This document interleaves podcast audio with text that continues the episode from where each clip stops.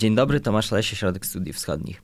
W dzisiejszym odcinku będziemy mówić o cały czas trwającym sporze kosowsko-serbskim. Poruszymy temat, który ciągle jest żywy, czyli spór o tablice rejestracyjne, o tym, o co chodzi, dlaczego to budzi takie emocje oraz opowiemy również o perspektywach, perspektywach na ewentualne porozumienie serbsko-kosowskie. A będę o tym rozmawiał z Martą Szpalą, ekspertką OSW. Dzień dobry Państwu. To jest podcast Ośrodka Studiów Wschodnich.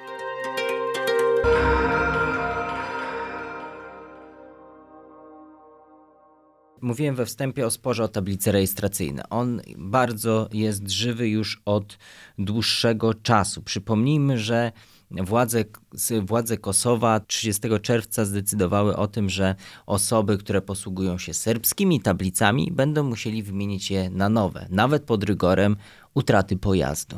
Dlaczego, skąd taka decyzja? I bo pytanie, dlaczego budzi to emocje, jestem w stanie sobie wyobrazić odpowiedź.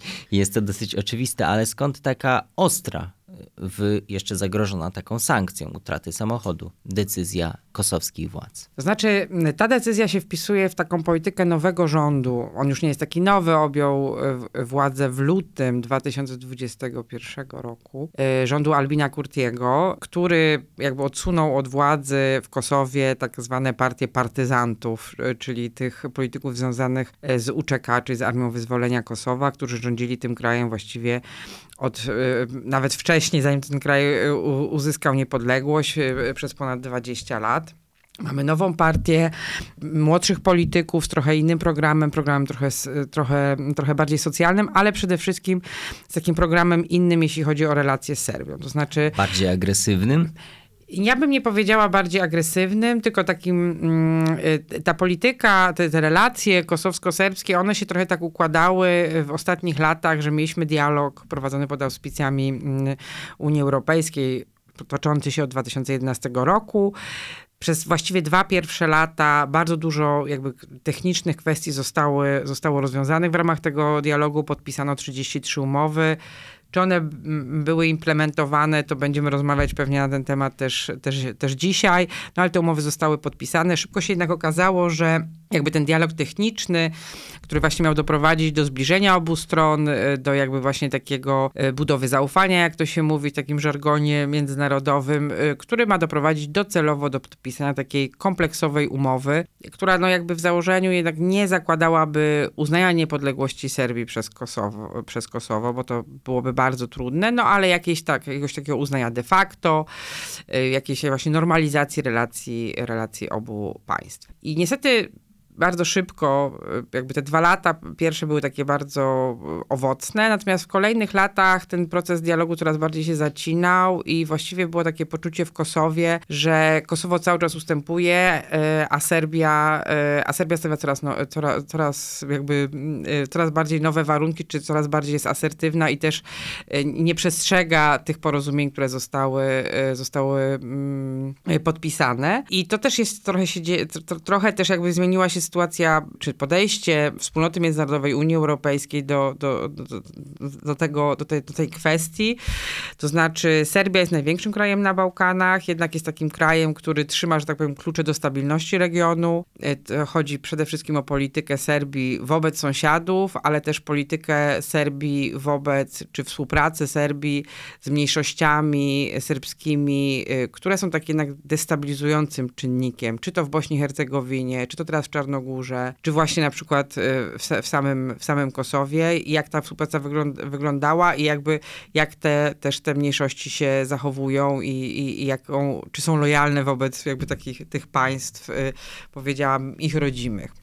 No i to spowodowało, że, że w Kosowie też narastało takie poczucie, że, że kosztem, e, kosztem tego państwa się uspokaja Serbów, tak? Znaczy Serbowie... E, Czyli, że się używa jakby, e, żeby spacyfikować Serbów, zbliżyć ich do Unii Europejskiej, z, załatwiamy sprawę z Kosowem i na Kosowie coś wymuszamy. Tak, tak, że kosztem Kosowa się właśnie tutaj, tak, że się, że się tą, że się tą, to, że, że się tą, te aspiracje, czy, czy te jakby różne, różne, różne żądania serbskie pacyfikuje, tak? Tutaj Kosow, Kosowarzy lubią powiedzieć, że to jest tak trochę jak, e, jak to jest taka trochę polityka, taka polityka jak polityka rosyjska, to znaczy, że jakby akceptowaliśmy zdobycze terytorialne Rosji w sąsiedztwie, żeby jej czasem nie denerwować. No, że tutaj jakby no, w, w pewien sposób ta polityka była podobna.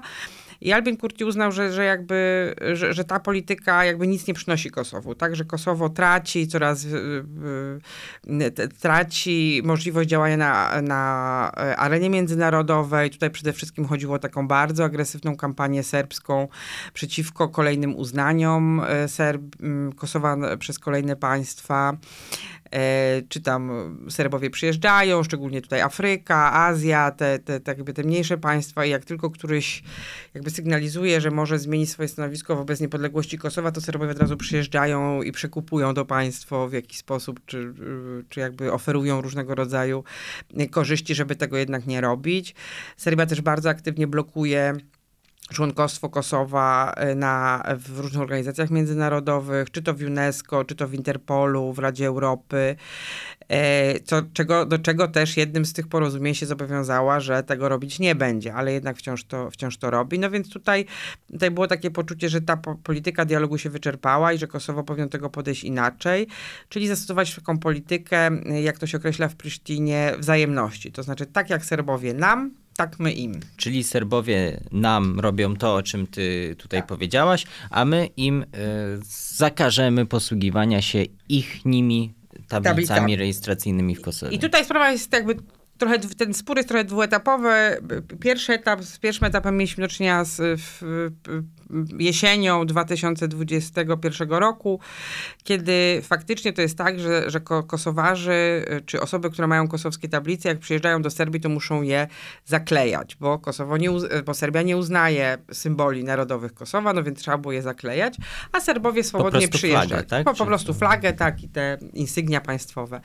Natomiast Serbowie, którzy przyjeżdżali do Kosowa, jakby mieli tutaj, mogli przyjeżdżać, jakby nie było problemu. I pierwszym etapem tego sporu było to, że Kosowo zaczęło się domagać, żeby żeby Serbowie robili dokładnie to samo, to znaczy, żeby też te, te symbole serbskie, e, serbskie zaklejało. Mieliśmy taką eskalację, Serbia wyciągnęła nawet armię z, z koszarów, tak w ramach takiej manifestacji, ale ostatecznie udało się to załatwić po myśli Kosowa. To znaczy, że Serbowie przyjeżdżając do Kosowa z serbskimi tablicami zaklejają te nalepki i w drugą stronę jak się jeździ też, czyli jakby jest zasada wzajemności. Kosowo pokazało, że nie jest jakby młodszym partnerem, nie musi się zgadać na dyktat, ale ale właśnie będzie, y, będzie to na zasadzie wzajem, będzie to no, równoprawni partnerzy, a nie, że takie już było poczucie, że, że Kosowo ma niższą, niższą rangę w tych relacjach. Y, I drugą stroną tego sporu było to, o czym wspomniałeś. Ten czerwiec, 30, 30 czerwca miało i tutaj to, jakby, to jest też ważne rozróżnienie, bo to nie chodzi o, że ludzie, którzy mają serbskie tablice, nie mogą przyjeżdżać do Kosowa.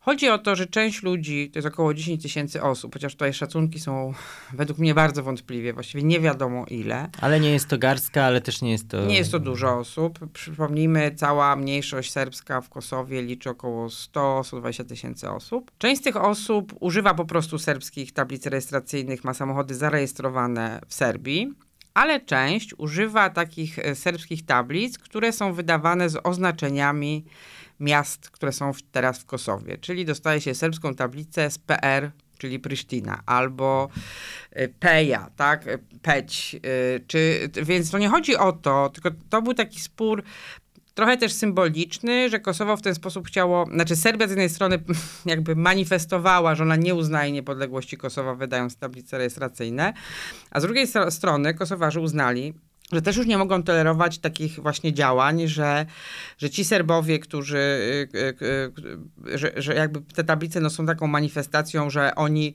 nie uznają tego, to, tej nowej rzeczywistości, że Kosowo jest serbskie. W związku z tym nie to, że mają serbskie tablice z Serbii, tylko mają serbskie tablice z Kosowa. I że to chodzi, ten, jakby ten spór dotyczył, od, dotyczył właśnie, właśnie tych tablic.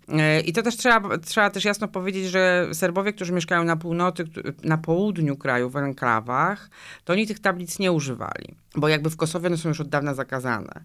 Natomiast ci, którzy mieszkają na północy i właściwie nie jeżdżą do Prysztyny, rejestracyjne jeżdżą tylko i wyłącznie na tych tablicach y, do Serbii, wciąż ich używali, bo jakby przejeżdżali przez granicę, na granicy nie było problemu, nikim problemów nie robił, ale się jakby nie można było z tymi tablicami się poruszać, ale oni wciąż ich używali. I, i Albin Kurti uznał, że tą sprawę trzeba uregulować, że Serbowie muszą się podporządkować regulacjom, które są w danym kraju, że trzeba te, po prostu przerejestrować te samochody do systemu, y, systemu kosowskiego. No i zrobiła się z tego powiedziałabym, wielka awantura. Awantura, która w mediach była przedstawiana prawie jako krawędź wojny. To prawda, tak. Mieliśmy tutaj różnego rodzaju napięcia, szczególnie w sezonie ogórkowym, kiedy tutaj ogłaszano już, że Serbia napadła Kosowo. Nie, nie napadła, po prostu były protesty i to też były takie protesty, które są charakterystyczne dla e, kosowskich Serbów, to znaczy stawianie barykad. Czyli właściwie nawet nie barykad, bo jak sobie wyobrażamy barykady, to myślimy o jakichś butelkach. Ale na clickbait się nadaje. E, tak, tak. My tego nie zrobimy. E, tak. Natomiast to nie, to nie są takie barykady, takie barykady, tylko to jest jest, y, tylko po prostu stawia się, bo te ulice, w, w, drogi, nie ulice, drogi w, w, północnym Kosowie są bardzo wąskie, więc wystarczą dwie duże ciężarówki załadowane, już momentalnie droga po prostu jest nieprzejezdna, bo najczęściej nie można bokiem przejechać, to są w dolinach drogi. No więc y, po prostu stoją te barykady i te barykady mają tak naprawdę na cel, y, jakby celem tych barykad jest najczęściej to, żeby kosowska policja nie mogła się swobodnie poruszać po terenie północnego Kosowa. E, czyli właśnie to jest jakby zablokowanie dostępu służb. No, dosyć poważne tak. wykroczenie. Tak, bo to nie chodzi o to, oczywiście nie chodzi tylko o kosowską policję, bo to nie tak, że tylko to też chodzi o EULEX, czyli unijną misję policyjną, która wciąż jest jakby gwarantem stabilności, czy właśnie misję, misję natowską KFOR, która jest jakby armią, która, która pilnuje bezpieczeństwa w Kosowie i jakby nikt się po tym Kosowie nie może poruszać, bo, bo północnym po tych czterech gminach zamieszkałych przez większość, większość serbską. No i, y, że tak powiem, była, była to pewnego rodzaju próba sił pomiędzy, pomiędzy władzami serbskimi e, i, i, i, kosowskimi. Dla se- y, I kto ją wygrał? Kto ją wygrał? Albo kto przegrał? To jest, to jest bardzo dobre pytanie, kto ją wygrał, bo Suma summarum można powiedzieć, że jednak wygrało ją, e, wygrała ją Serbia. To znaczy te protesty, które się odbywały, zanim najczęściej szły naciski, mm, naciski Zachodu na deeskalację sytuacji i, i mm, władze kosowskie kilkukrotnie przekładały ten termin, y, ten termin wprowadzenia w życie tych, y, tych, tych regulacji, bo jakby za każdym razem scenariusz był taki sam. Dzień przed wejściem w życie, w życie tych regulacji, y, no to mamy wielkie protesty w, w północnym Kosowie. E, strona serbska zrobiła, znaczy i powiedziałem, że ten problem ma dwa wymiary. On ma wymiar praktyczny, że z jednej strony dla Serbów, którzy mieszkają w Kosowie, faktycznie ta, ta kwestia wymiany tablic ona jest jakby bardziej skomplikowana niż nam się może wydawać, bo chodzi też o to, że na przykład ci ludzie często nie mają prawa jazdy kosowskiego, a według kosowskiego prawa nie można kierować własnym samochodem na kosowskich rejestracjach, jeśli nie ma kosowskiego prawa jazdy. Więc za tymi, za tymi tablicami powinna też iść kwestia wymiany dokumentów. Te dokumenty wymieniano parokrotnie, znaczy dwukrotnie była taka opcja, że serbskie prawo jazdy można, za, pokazując serbskie prawo jazdy, można było dostać kosowskie, ale nie wszyscy z tego skorzystali. Część ludzi nie ma tych dokumentów y, kosowskich, więc to jest jedna rzecz. Druga rzecz, były też poważne wątpliwości, czy serbska administracja w, krótkim czasie będzie w stanie, yy, będzie w stanie wymienić te tablice rejestracyjne, więc że po prostu trochę Serbowie pokazywali, że to jest taki, takie działanie na pokaz, bo, bo jakby administracyjnie Kosowo nie jest przygotowane, więc było tam dużo takich praktycznych kwestii, które faktycznie należało roz, rozwiązać. Natomiast to nie to było problemem i to, to, to jakby to nie tutaj Nikt o tym właściwie nie rozmawiał, oprócz kilku przedstawicieli serbskiej mniejszości, no bo jednak to wszystko rozgrywało się między Belgradem a Serbią i to była kwestia właśnie o tym, kto rządzi w Kosowie północnym. liny. Tak, znaczy Serbia bardzo chciała pokazać, że Kosowo nie panuje nad północą, e, czyli tymi czterema gminami, a z kolei Kosowo, czy władze kosowskie coraz bardziej domagają się tego, żeby Serbowie jednak podporządkowali się prawu lokalnemu, przestrzegali kosowskich, e, kosowskich zasad. E, Serbia zrobiła z tego właściwie tabloidy serbskie zrobiły z tego właściwie powiedziałam, taką źrenicę obrony serbskiej tożsamości. E, ja bym powiedziała, że serbska mniejszość ma w Kosowie dużo problemów różnych, praktycznych. I jakby to nie są tablice rejestracyjne powodują, że, że oni tam y, czują się dyskryminowani. Natomiast jakby dla propagandy serbskiej było to bardzo Mm, bardzo korzystne y, i to możemy, to może wrócimy do tego, dlaczego Serbowie, Serbowie tak zrobili, ale odpowiadając na pytanie właśnie, kto ostatecznie wygrał, to ostatecznie skończyło się tak, że po kolejnej takiej poważnej eskalacji w listopadzie znaczy, serbskie, kosowskie władze uznały, że już jakby, żeby zachować twarz, nie mogą po raz kolejny tego odsuwać, bo to też jest jakby, to jest też pokazanie, że one, że właśnie wystarczy, że Serbowie tupną, zrobią barykady i jakby serbski, kosowski rząd się musi wy, wy, wycofać. No więc uznano, że tym razem to po prostu rozłoży się w czasie, rozciągnie się w czasie to wejście tego w życie. Więc najpierw miało być tak, że E, przez 21 dni Serbowie będą dostawali e, takie informacje o tym, że muszą to zrobić. Później będą dostawali mandaty, to będzie dość długo trwało, a potem już e, jakby w kwietniu przyszłego roku, jeżeli tych tablic nie zmienią, to te samochody będą konfiskowane. No i się, i tutaj to też jest właśnie jakby kolejny element te, tego pytania właśnie, kto rządzi północą, ponieważ policjanci serbscy, którzy służą w kosowskiej po policji, odmówili doręczenia tych, tych zawiadomień i w ramach protestu złożyli mundury. Mm. A była... o jakiej liczbie mówimy? I jakaś... mówimy w tym momencie o mniej więcej, tak naprawdę o około 500 policjantach. No i tutaj też, znaczy ta lojalność zawsze była, zawsze była problematyczna. To właśnie, jakby to, o czym mówimy, to jest kwestia właśnie porozumienia, jednego z tych ostatnich porozumień w 2013 roku, e, kiedy mm, wcześniej, przed, przed tą datą, właściwie Kosowo nad północą nie panowało. To znaczy tam były służby samoobrony, które pilnowały porządku. Była to czarna, taka naprawdę czarna dziura, jeśli chodzi o yy, jakby rządy prawa, powiedziałabym taki dziki zachód trochę, no bo serbska policja już tam nie mogła E, utrzymywać porządku, a kosowska policja z kolei tam nie mogła wejść. No i w 2013 roku podpisano właśnie w ramach tych porozumień, podpisano taką e, e, Kosowarzy po pierwsze mogli, mogli zacząć kontrolować granice między Serbią a Kosowem, tam gdzie mieszkają, mieszka mniejszość, a po drugie zgodzono się na integrację sił policyjnych, na rozwiązanie tych sił samoobrony, na to, że Serbowie też wejdą do parlamentu kosowskiego, zostaną utworzone serbskie gminy, znaczy gminy, które są zamieszkiwane przez Serbów, ale w ramach kosowskiego systemu, czyli to będą, tak, będzie to powstało te 10 gmin. Ale nie na zasadzie jakiejś autonomii. Nie, nie, nie. To właśnie tutaj ten taki system kosowski miał być, miał być yy, myślano o nim w ten sposób, że że będą, że system kosowski jest bardzo scentralizowany, władze lokalne mają bardzo dużo kompetencji i po prostu Serbowie będą się w ramach tych gmin mogli sami rządzić. Tak? Będzie to jakby rozbudowana samorządność i gminy mają duże kompetencje edukacyjne, jeśli chodzi o służbę zdrowia, właśnie jakby trochę policję, więc jakby to pozwoli tym jednostkom sam, rządzić się samemu znaczy na własnych zasadach, no bo jednak takie doświadczenie Bośni i Hercegowiny i Republiki Serbskiej, która destabilizuje Bośnię, jest państwem w państwie, spowodowało, że uznano, że ta taka autonomia terytorialna będzie bardzo nie, będzie też destabilizowała państwo, to po pierwsze, a po drugie problem jest taki, że Serbowie oprócz północy nie żyją w, na zwartych terenach, więc trudno byłoby taką autonomię e, wykroić. No i właśnie tutaj mieliśmy stopniową taką integrację, ta, jakby byli serbscy policjanci w tym kosowskim systemie, zaczął działać serbski sąd w Mitrowicy z serbskimi sędziami, z serbskimi prokuratorami.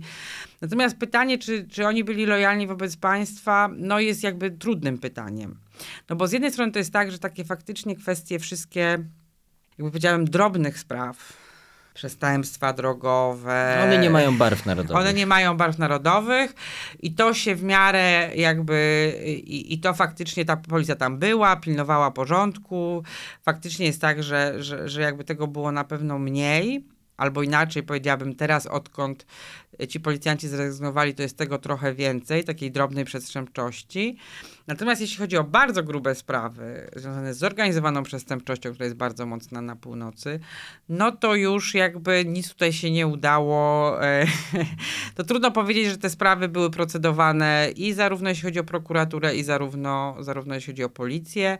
Sztandarowym takim przykładem jest kwestia zabójstwa e, serbskiego polityka, który był przychylny współpracy z Prisztiną, Oliwiera Iwanowicza w 2018 roku, która do tej pory nie jest, nie jest rozwiązana, mimo że jak się pojedzie i porozmawia z ludźmi, to mniej więcej wszyscy doskonale wiedzą, kto to zrobił i dlaczego. Okej, okay. a czyli tak, mamy taką sytuację, że podsumowując to, na czym, w, w którym momencie teraz jesteśmy, y, było uchwalone, było pewne porozumienie, pewna mapa drogowa skądinąd, jak te tablice będą zmieniane, ale pewnego rodzaju obstrukcji dokonali serbscy policjanci służący w kosowskich y, siłach policyjnych. I co było dalej? I tak naprawdę to tak. I w związku z tym, jakby w ramach protestu, to wszyscy, wszyscy urzędnicy, e, mimo że jakby doszło do, doszło do porozumienia, i to też było bardzo ciekawe, że ostatecznie doszło do porozumienia pomiędzy y, Serbią a Kosowem w tej sprawie tak naprawdę e, Serbowie, e, mm, Serbowie powiedzieli, że już po prostu nie będą wydawać tych tablic rejestracyjnych, a Kosowarzy powiedzą, powiedzieli, że nie będą e, że nie będą egzekwować tego zakazu i że po prostu jakby czas rozwiąże tą sprawę, tak? Znaczy jak nie będzie nowych tablic wydawanych, to one z czasem po prostu będzie ich coraz mniej i będą, będą znikać. Natomiast no jakby już była taka sytuacja, że zarówno policjanci, jak i właśnie prokuratorzy y, parlament, y, y, zrezygnowali z pracy właśnie w ramach protestu przed osiągnięciem tego porozumienia. E, jakby lojalnie z policjantami, tak? Policja złożyła mundury, e, prokuratorzy, sędziowie wyszli, wyszli, że tak powiem, z urzędów, zrezygnowali z pracy, to też jest kolejne 500 osób mniej więcej dziewięciu parlamentarzystów, dziewięciu z dziesięciu parlamentarzystów wybranych jako przedstawiciele serbskiej mniejszości złożyło mandaty. I zrezygnowali też przedstawiciele, czy tam władze lokalne w tych czterech gminach też zrezygnowały. Czy cofnęliśmy się do 2013 roku? Nie ma jakby ten system integrujący e, Kosowo, e, północne Kosowo z systemem kosowskim tak naprawdę jakby upadł, czy, czy został zawieszony. Władze kosowskie myślały, że jeżeli jakby to, co było tą kością niezgody, czyli kwestia tablic rozwiąże się po myśli serbskiej, no to, to Serbowie wrócą do instytucji. Tak się jednak nie stało. I normalnie w takiej sytuacji, bo to jednak mamy cały czas taką eskalację i deskalację w relacjach kosowsko-serbskich, to trochę jest tak, że wtedy Kosowarze siadają do stołu i muszą, od, muszą, yy, muszą ustępować w różnych kwestiach. Chyba taka była, taki trochę był scenariusz serbski, że okej, okay, oni są wciąż, oni, oni wciąż są poza, poza instytucjami, to możemy teraz wymusić na, yy, na stronie kosowskiej jakieś ustępstwa.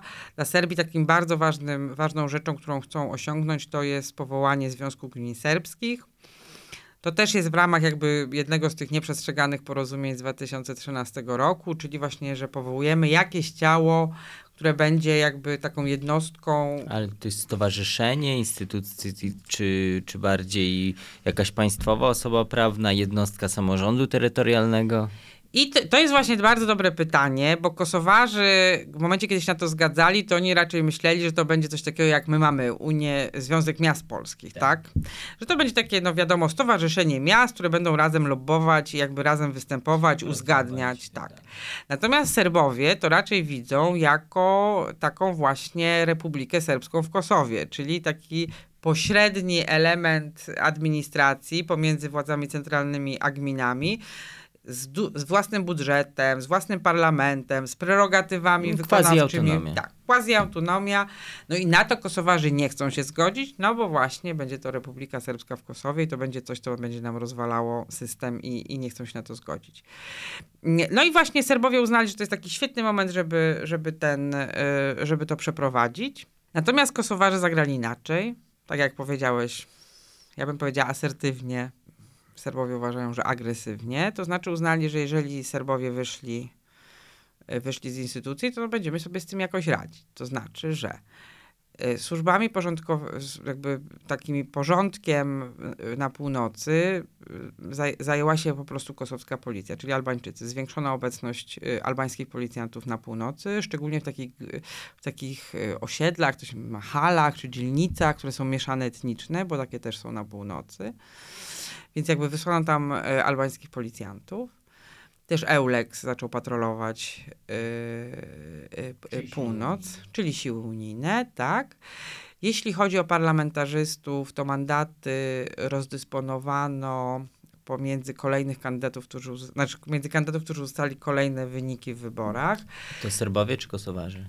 Tak, to często znaczy Albańczycy. Albańczycy. Częściowo Albańczycy, częściowo Serbowie którzy są bardziej skłonni do, do współpracy z mhm. Prysztyną. Jest taka polityczka, kiedyś uważana za nacjonalistyczną, Rada Trajkowicz, która teraz jest postrzegana jako taką osobę, która jest przychylna właśnie współpracy z Prysztyną.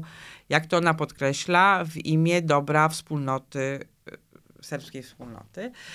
Natomiast jeśli chodzi o, y, jeśli chodzi o y, wybory samorządowe, znaczy uznano też, że po prostu zorganizuje się nowe wybory samorządowe i też to było takie założenie, ja myślę, i to też było taka, taka, taka jakby y, taka polityka mm, władz Prysztiny, żeby odsunąć od władzy y, serbską listę. I teraz jakby krótkie, kró, krótki, dwa zdania o tym, czym jest serbska lista. Serbska lista to jest takie ugrupowanie, które jest kontrolowane przez Belgrad, które właściwie robi to, co Belgrad każe. I tu właśnie jest taka, y, y, są to politycy, którzy też po pierwsze są powiązani ze zorganizowaną przestępczością. Część, część, z nich jest na liście sankcyjnej USA i Stanów Zjednoczonych, y, USA i Wielkiej Brytanii. To są, to są osoby, które kontrolują przepływy finansowe e, z Belgradu, decydują o tym, kto dostaje zapomogi, decydują o tym, kto pracuje w instytucjach państwowych, bo wciąż y, ochrona zdrowia i system edukacji jest, y, jest kontrolowany, jest finansowany przez, przez Belgrad. I to też widać na tych wszystkich protestach, że na protestach są osoby, które są zatrudnione przez państwo serbskie, czyli właśnie nauczyciele, lekarze, po prostu osoby, które ekonomicznie zależą od państwa serbskiego, a serbska lista, że tak powiem, dysponuje tymi pieniędzmi i je rozdaje, no więc jest to takie narzędzie kontroli serbskiej mniejszości. Jednak powiedziałabym, że jed, w pewnym odczu w odczuciu części Serbów to jest tak, że, że, ona, że to jest jednak partia, która reprezentuje interesy Belgradu, a nie interesy, y, interesy serbskiej mniejszości. I tak też było w, w kwestii na przykład sporu o tablicę, że serbska lista nie podnosiła tych kwestii, które naprawdę bolą mniejszość, tylko eskalowała protesty, bo Żeby to było eskalować. wygodne dla Belgradu wtedy. Mhm. Czyli jak rozumiem, ona miała jakąś tam pozycję w, w samorządzie, a tą organizacją wyborów samorządowych nowych pewnie liście tej serbskiej ciężko byłoby wystartować w takich, no bo a nie innych warunkach, bojkotują, bo bojkotują. Tak. Więc w ten sposób tak, wprowadzamy innych Serbów tak, do administracji. Wprowadzamy innych Serbów do administracji, bo, że tak powiem, w Kosowie, powiedziałabym, Brzmi sprytnie. Brzmi sprytnie, tak. Znaczy, jak, że tak powiem, wszystkie, na wszystkie, we wszystkich samorządach i na wszystkich szczeblach w Serbii rządzi Serbska Partia Postępowa prezydenta Vučića, tak samo serbska lista kontrolowała wszystkie miejsca w parlamencie i wszystkie, wszystkie e, gminy serbskie w Kosowie, no bo ma siłę ekonomiczną, tak? Ma sieć klientów, którzy muszą głosować, to się jednak sprawdza. To jest tak, że po prostu jak pracujesz i bierzesz państwowe pieniądze, to musisz głosować na partię rządzącą. Tak samo jest w Serbii, tak jest też, jeśli chodzi o serbską mniejszość w Kosowie. No i dla władz, władz prysztyńskich, no byłaby taka okazja, żeby promować inne partie serbskie, które są małe, mniej popularne, nie mają siły tej ekonomicznej, ale jeżeli by serbska lista bojkotowała wybory, no to byłaby szansa na zmianę władzy i zmianę, o, zmianę reprezentacji politycznej Serbów w Kosowie. No i to wzbudziło oczywiście zaniepokojenie serbskiej listy. Mieliśmy atak na urząd, y, na komisję wyborczą w Kosowie. E, I tutaj jakby zaczyna się właśnie ten drugi etap, tych, y, trzeci etap właściwie tych napięć, które mamy teraz. Kwestia tablic została rozwiązana, ale inne rzeczy, y, inne rzeczy się zdarzyły. To jakie to są kwestie oprócz tablic, które budzą szczególne kontrowersje, jak rozumiem, które teraz w sposób szczególny stoją, leżą na stole? Tabli no, kwestia tablic została rozwiązana y, y, porozumieniem w listopadzie. Natomiast teraz na stole jest taka kwestia, że władze serb kosowskie aresztowały cztery osoby, które były, były, są podejrzane o ataki na komisje wyborcze na początku grudnia. Władze, y, co, co ciekawe, to jakby do tych aresztowań doszło w momencie, kiedy y, Kosowo też zdecydowało się odwołać wybory samorządowe, je przeniesiono na kwiecień, więc teoretycznie jakby nie ma Czyli tych wyborów, które miały być tak, jednak... które budziły kontrowersje, jakby to jest kwestia tablic została rozwiązana, wyborów nie, wybory zostały przełożone na kwiecień. Natomiast jakby władze kosowskie aresztowały cztery osoby, które podejrzewane są o ataki na e, siedzibę Komisji Wyborczej. I są to byli policjanci, między innymi są, jest to dwóch byłych policjantów e, serbskich. Na Kosowie, jakby w reakcji na, na, te, na te aresztowania w Kosowie stanęły barykady i zaczęły się, jakby zaczęły się kolejne, kolejne protesty. Tylko jakby ciężko już było powiedzieć, jakby przeciwko czemu, znaczy przeciwko czemu są te barykady, to wiadomo. Te barykady postawiono po to, żeby uniemożliwić przewiezienie te, tych aresztowanych osób do Prisztiny. Natomiast jakby jakie są postulaty protestujących, tak, już te protesty trwają prawie dwa tygodnie, mamy barykady w Kosowie, no jakby ciężko... Cię, Nagrywamy ciężko, to 23 grudnia. tak, cię, ciężko jest powiedzieć, jakie są, jakie są postulaty i czego się oni domagają. W międzyczasie mieliśmy kilka demonstracji w Prysztynie yy, i tak jak powiedziałam, bra- brały w nią przede wszystkim osoby mm, zatrudnione w, przy, przez, tak, przez serbskie władze. Mieliśmy też protesty prawicowych organizacji po drugiej stronie, mm, po drugiej stronie granicy, po serbskiej stronie granicy. Serbskie prawicowe organizacje też zorganizowały pewnego rodzaju jakieś takie e, e, protesty. No więc jakby ta sytuacja jest trochę, trochę napięta. I w tym momencie, w tym momencie protestujący wczoraj, 22 grudnia, na kolejnych protestach przedstawiły swoje postulaty. Postulaty są takie, że cztery aresztowane osoby mają być wypuszczone z więzienia. To jest jedna rzecz. Druga rzecz to jest taka, że y, y, jednostki specjalne kosowskiej policji mają zostać wycofane z północnego Kosowa. A trzecia, i to jest jakby bardzo ciekawy postulat, to znaczy, że Kosowo ma zniszczyć listę, na której y, ma Serbów przeznaczonych do zabicia i aresztowania. Aha.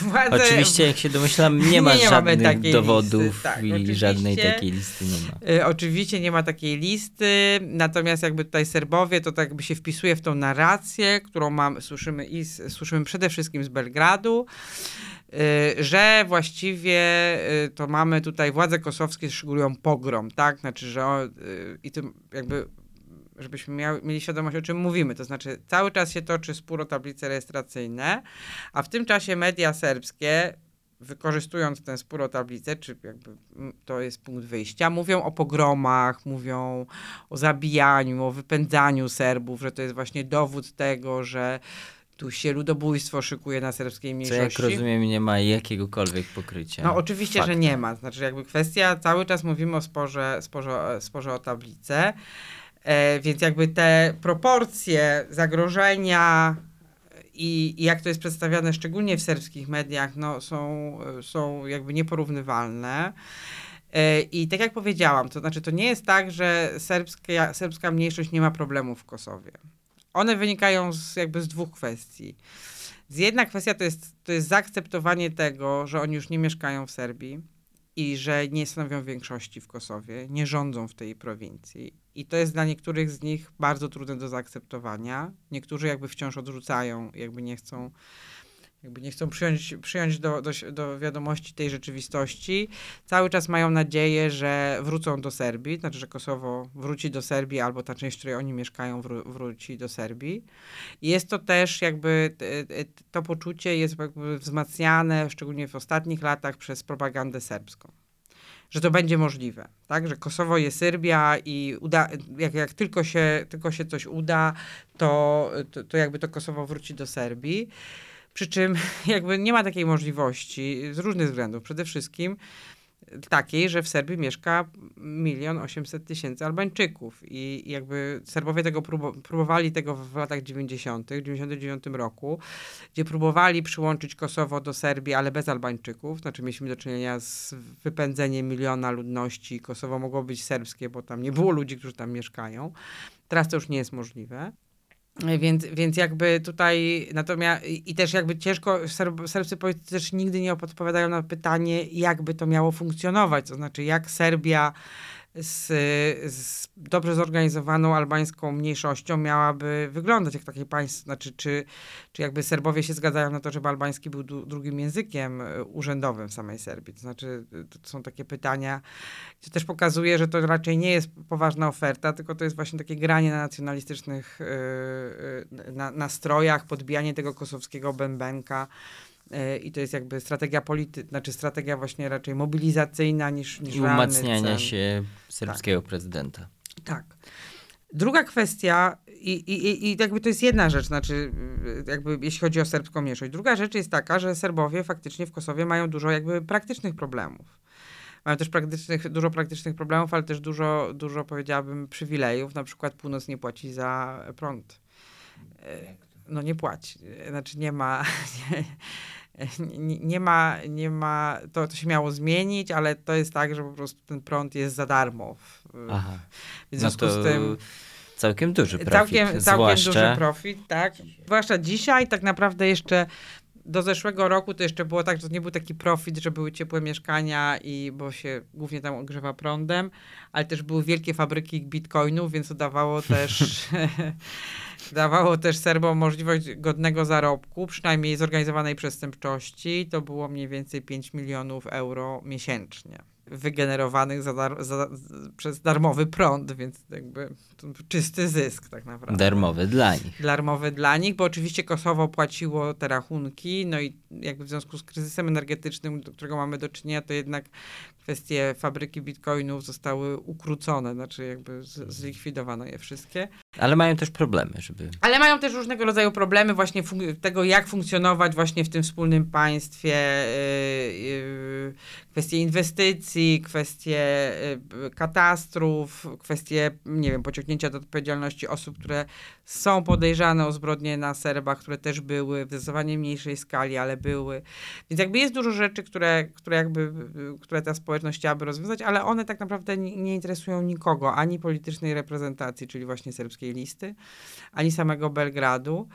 Yy, I jakby ta mniejszość jest taka, tak się, to się często mówi, tak pomiędzy, pomiędzy presją, czy instrumentalnym traktowaniem przez Belgrad, yy, a, a presją na integrację ze strony Prysztiny i też podejrzeniami ze strony Prysztiny, bo jednak w związku z tym, co się dzieje jaką politykę prowadzi polityka serb, y, serbska lista, czy właśnie to ugrupowanie polityczne, które jest uważane e, przez Prysztynę jako takie narzędzie Belgradu destabilizacji państwa, no oni są traktowani coraz bardziej przez Prysztynę y, y, jako taka piąta kolumna, tak? Jako taki element podejrzany, który nie chce się integrować.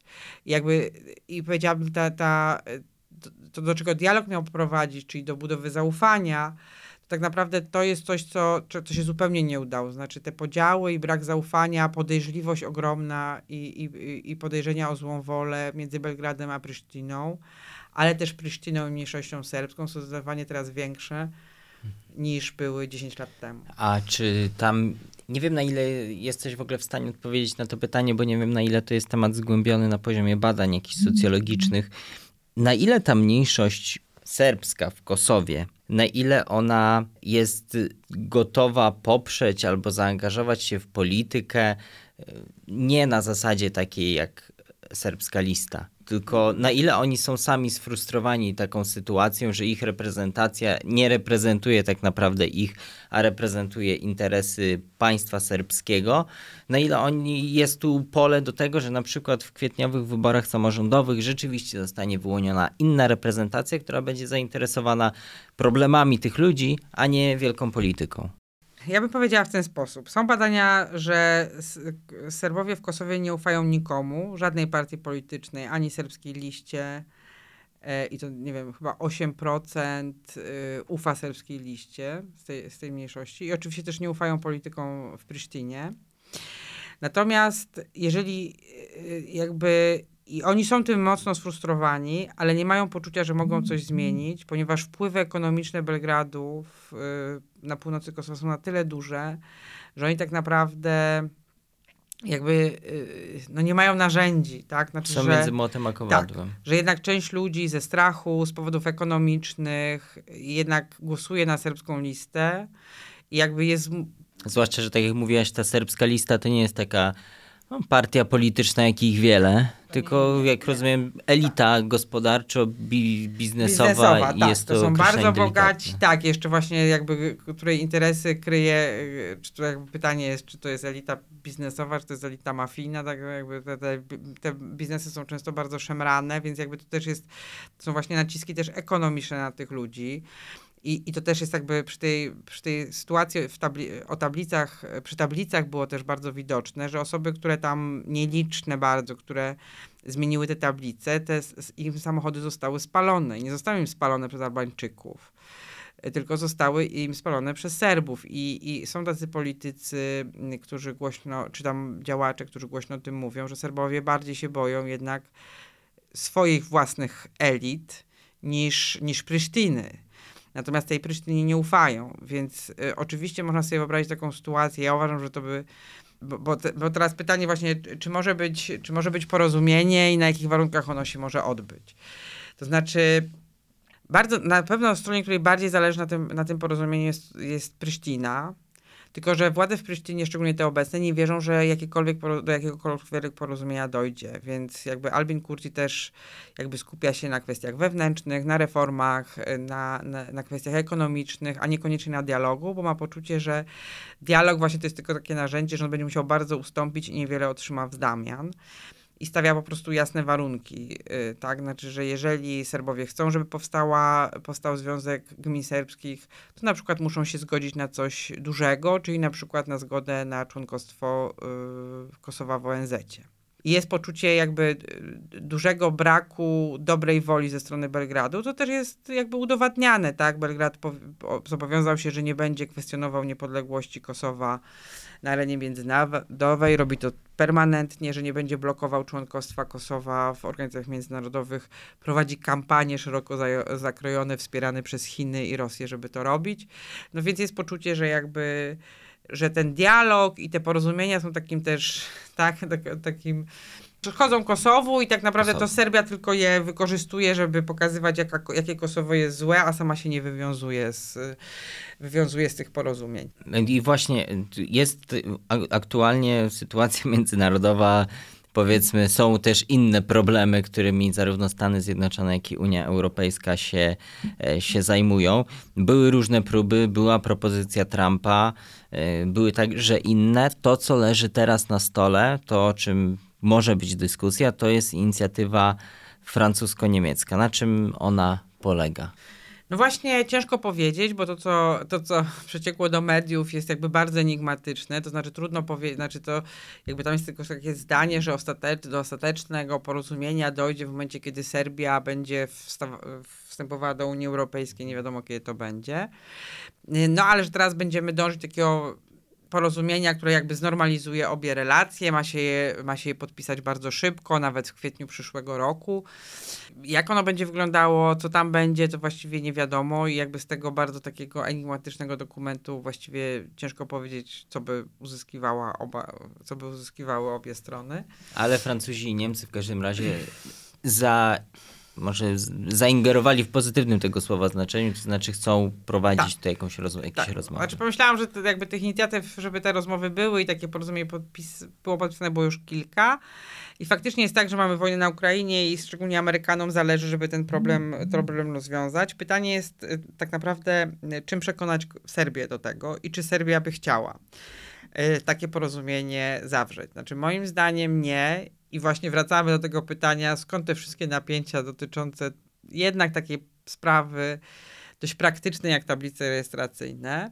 I to jest właściwie stała polityka Serbii wobec Kosowa. Znaczy w momencie, kiedy na Zachodzie, w Stanach czy, czy w Unii Europejskiej jest takie poczucie, że koniecznie, no, że musimy, już nadszedł czas, musimy, musimy to jakieś kompleksowe porozumienie podpisać, to zaczynają się różnego rodzaju napięcia, które nie wynikają jakiejś konkretnej potrzeby czy niezadowolenia serbskiej, serbskiej mniejszości, tylko są właśnie potrzebne Belgradowi. I to mamy... To, to Belgradowi, nawet Vuciciowi. Nawet Vuciciowi osobiście, bo prezydent Vucic nie chce podpisać y, porozumienia. On, dla niego Kosowo to jest po pierwsze taki, taka karta przetargowa w relacjach z Unią Europejską. Póki kwestia kosowska nie jest rozwiązana, to Serbia jest ważna dla Zachodu, to znaczy, że jako taki właśnie stabilizator jest ten, tak naj, jeden z najważniejszych elementów, tak, że, że Serbowi, Serbii się ustępuje, no bo musimy, bo najważniejszą sprawą jest to kompleksowe porozumienie z Kosowem, które wciąż się, nie,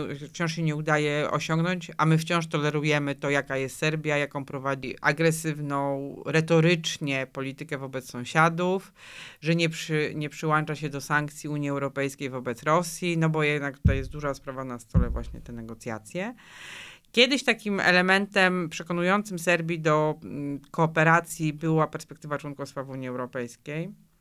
Dlatego właśnie przez te pierwsze dwa lata, 11-13, udało się jakieś porozumienia podpisywać. W imię integracji z Unią Serbia ustępowała. Czyli jak rozumiem Francuzi i Niemcy teraz znowu troszeczkę tą kartę pokazują.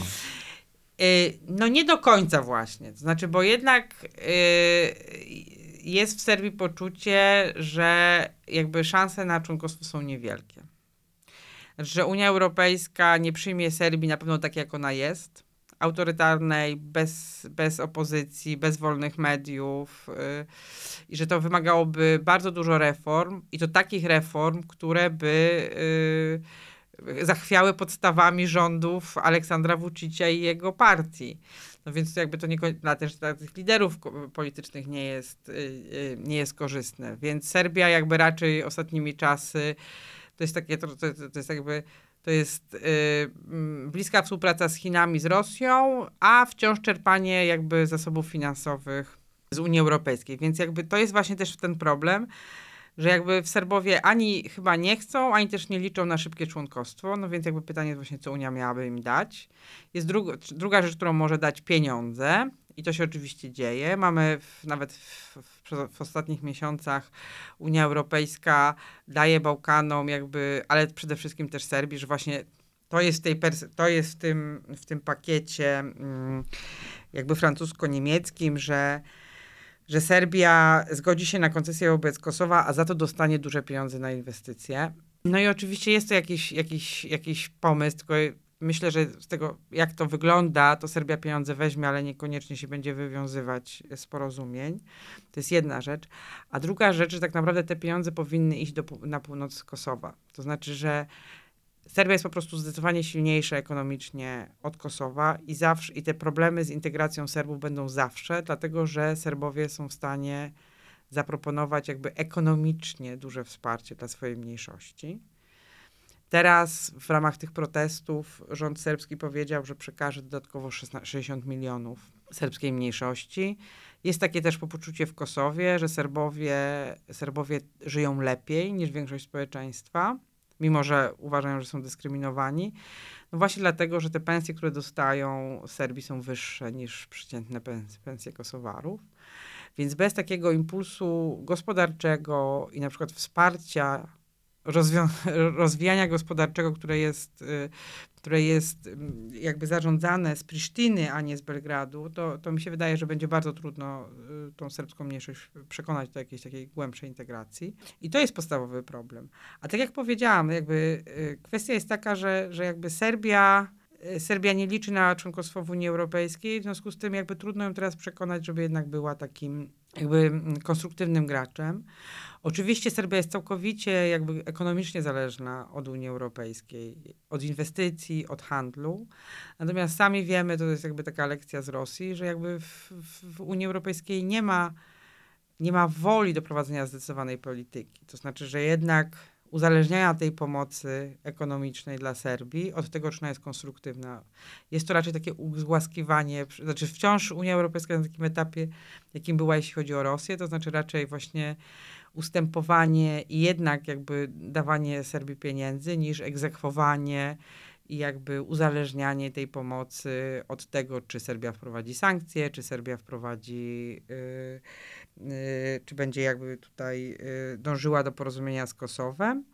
I trzecia rzecz, która też jest bardzo problematyczna, jeśli o to chodzi, to że ten rząd, który nominalnie właśnie jest prounijny, on przez ostatnie lata ogromną propagandą spowodował, że dla Serbów kwestia Kosowa jest bardzo istotna. Znaczy, to też jakby tutaj są różne te badania Już i to jest... rozumiem, masz na myśli Serbów w Serbii. Serbów w Serbii. To znaczy w takim sensie, że to jest jakby cały czas skupienie na tej kwestii kosowskiej i że jak spojrzymy na badania, to więcej Serbów było skłonnych y, uznać niepodległość Kosowa w 2008 roku niż jest teraz. Oczywiście to też jest taka kwestia, jak już zapytamy, ale, ale to też jest jakby, są bardzo wysokie współ- współ- współczynniki. Jak się zapyta, czy Serbowie chcą, y, chcą uznać Kosowo, jeśli w przeciwnym razie to ich droga do Unii Europejskiej będzie zamknięta. Natomiast myślę, że to też jest związane z tym, że oni też nie wierzą w tą drogę do Unii Europejskiej, w związku z tym tak właściwie bez różnicy. Natomiast na pewno jest tak, że jakby z racji tego, że ta, że, że serbskie społeczeństwo teraz jest bardziej nacjonalistyczne, e, niż było wcześniej i w związku z tym faktycznie będzie ludzi przekonać trudno do, do jakichś ustępstw, jeśli chodzi o Kosowo. My będziemy na pewno śledzić y, negocjacje serbsko-kosowskie, niezależnie od, od ich wyników, także to, co się dzieje w kontekście tych konfliktów, także zbliżających się wyborów samorządowych w Kosowie. O tym wszystkim możecie Państwo czytać na osw.waw.pl w analizach Marty Szpali oraz także będziemy na pewno przygotowywać podcasty i filmy na ten temat. Dziękuję Dziękuję bardzo. i do usłyszenia w kolejnych odcinkach.